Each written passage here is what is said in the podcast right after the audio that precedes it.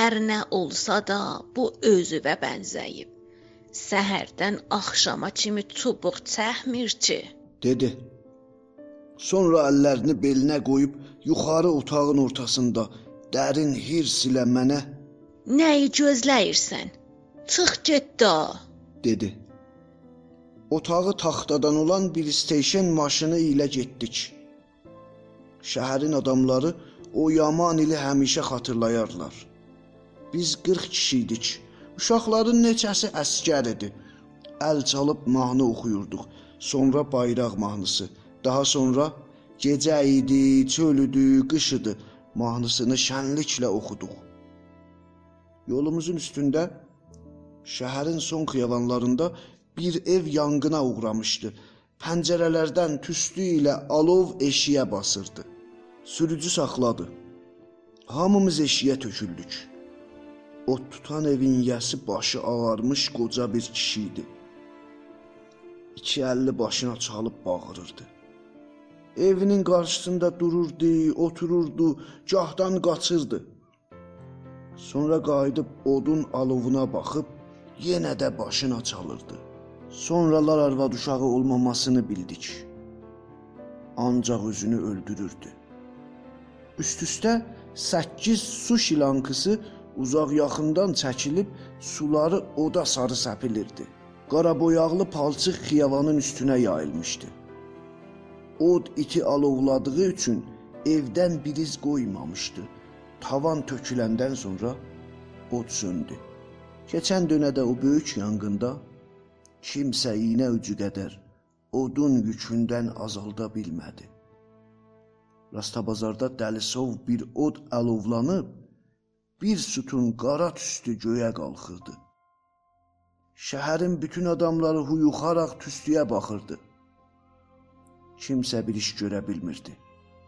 Elektrik işığı kəsilmişdi. Bazarın gecə qoruqçuları havaya güllə atıb yardım istəyirdilər. Kimsələri hayküy salaraq qaçırdılar. O gecə hər günün tərsinə xiyavanın arxlarında su yox idi. Xiyavanın başa başında göz işlədikcə bazara sarı əlifhanıslı adamlar axmaqdaydılar.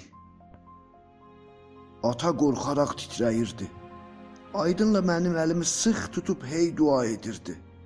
İstiyel odu acil satanlar kərvansarasına çəkməyib odun ucu rastabazara sarı yürüyürdü. Od yaman harımlamışdı. Biz taza meydanın bir bucağında durub başqalarına tay yalnız baxırdıq. O zaman bələdiyyənin od söndürmək üçün bir zadı yox idi. İstiyel isə odu o tərəfə yürüdürdü. O gecə səhərə kimi bazar yanıb, sabahsı gecəyə kimi də yanğın bazarı boşlamadı. Çoxu şirinli pişirən və bir neçəsi qənd kərxanası idi. Rasta bazarın hamısı yandı. Duvarları uçurdub çoxlarını qara gün edəndən sonra od da öz-özünə sönüb qurtuldu. Ancaq üç günə kimi qara tüstü şəhərin başı üstə durmuşdu. Ağırlığından yel də tərpədə bilmirdi. Sabahsı gün çox şirin olan bir yağış yağdı. Haram olmasın deyə cəmaət kasa ilə ləyən qoymuşdular. Yağış kəsəndən sonra biz başa düşdük. Paltarlarımızla tüklərimiz yapışqan olmuşdu. Hər nəyə əlimizi vururduq yapışırdı. Ata əlini yalayıb şərbət dedi. Bir zamana kimi qırnalardan su yerinə şərbət gəlirdi. Mən su istəyirəm deyirdim.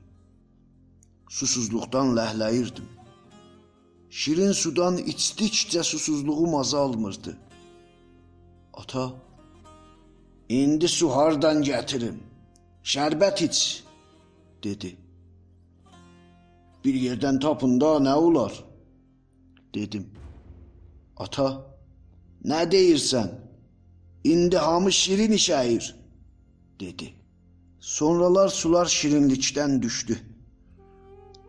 Ayda özünü odladı. Ata öldü. Aydının da başı batdı.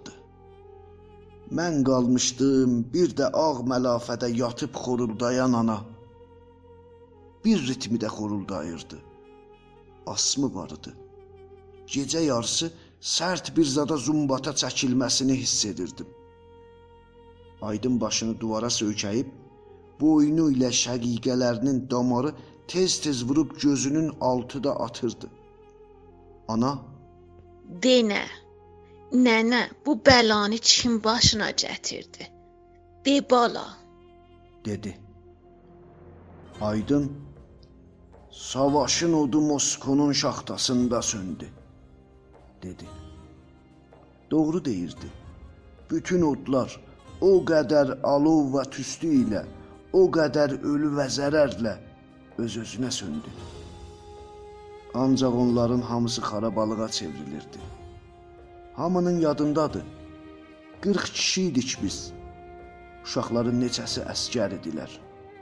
Od söndükdə otağı ilə səkməni taxtadan olan steyşenə mindik. Torpaq yolun çala-çuqurunda maşın silkələnməsindən az qalırdı ürək bağırsağımız eşiyə tökülsün. Maşınımız yollananda ulaya-ulaya yanğın söndürən qırmızı maşınların gəlməyini gördük. Ancaq çox gec olmuşdu. Yanan evdən yalnız bir qalaq torpaq qalmışdı. Biz əl çalıb oxuya-oxuya yollandıq. Bayraq mahnısını bir də oxuduq. Şorabilin qırağında adət üzərə sıralanıb mən üç dedikdə qayaların üstündən paltarlarla suya atıldıq. Bir kərə qamışlığa kimi gedib qayıtdıq. Su azca sərin idi və yumuşaq külək əsirdi. Sonra gün çıxan tərəfdən o qayığın bizə sarı gəlməyini gördük. Onda bir kir basmış tərköynəyi əynində qayığın içində duran kişidən başqa kimsə yox idi. Bizə dərindən baxarkən qayığın motoruna da diqqət edirdi. Sahilə yetişərkən "Minmirsiz?" deyə soruşdu. Biz birdən-birə hurra deyib taxta qapının hər yönündən aslandıq. Rənglə əlkol laçının iyini verirdi. Hər dönə tərpəşdikcə sanki çərçuvası dağılacaq. Qırıç-qırıç səs verirdi. Şurabilin qayıq sahibi olmasına sevinirdik. Söz vermişdik hər həftə Şurabilə gələk. Hurra! O zamana kimi kimsə qayıq görməmişdi. Onun yiyəsini də tanıyan yox idi. Hardan gəlməsini kimsə bilmirdi. Yaşlı bir kişi idi. İlk dönə maşın sürən adamlar kimi həm gülürdü, həm də ürək çırpıntısı var idi. Dörd uşağım var. Yaşayış xərc istər, deyib gülürdü.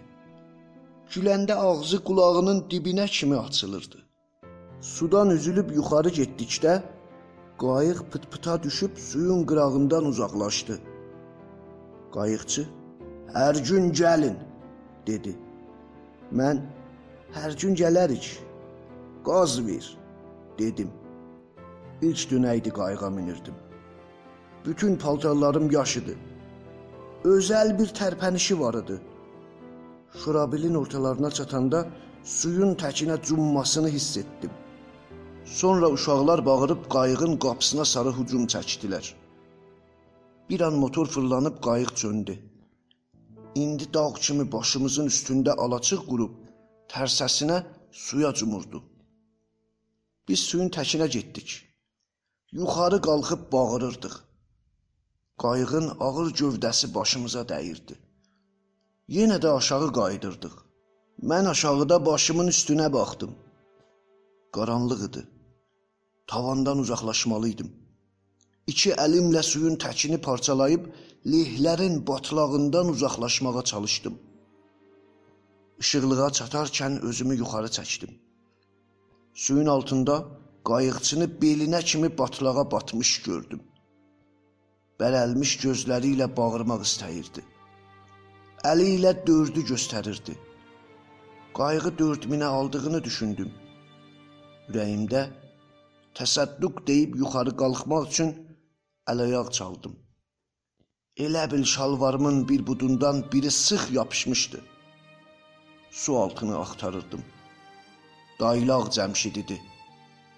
Əskər idi. Su içib məni çəkirdi. Çiyinlərinə kimi lehə batmışdı. Qızılı pacunları parlayırdı. O çəkirdi, mən də əl-ayaq çalırdım. Bir an qayışımı açmağı düşündüm. Açıb boşladım. O zaman 20 yaşım var idi. Mor bir tünükə ilə evə qayıtdım. Çox pis gün idi. Bir zamana kimi boğazımda suyun acı şor tamını duyurdum. Bizim 40 kişi olmağımız cəmaətin hamısının yadındadır. Daylaq Cəmşidin anası sən diri qaldın. Ancaq xeyir görməzsən dedi. Steyşenin sürücüsü bu Orhanın gözü üstündə olanı var. Qədrini bilin dedi. Ana Gəl sənə başa baş tutum. deyib su dəyməmiş bir parça gətirdi. Ayağımın ucundan tutdu. Qaytarıb başımdan ayaqlarımın dalısına qədər çəkdi. Sonra parçanı kəsib yoxsula verdi.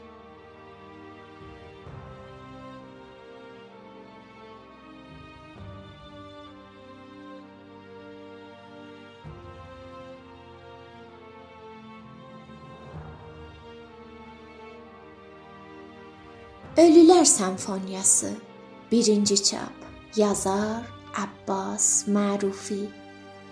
Çevirən Əhəd Fərəhməndi. Düzənləyən Əli Salmanzadə. Səsləndirənlər: Ağa Cabir Purbagiri, xanım Elnarə. Hər zamanki kimi bizimlə olun. Bizim axağımızın adresi Dastanca D A S T A N C A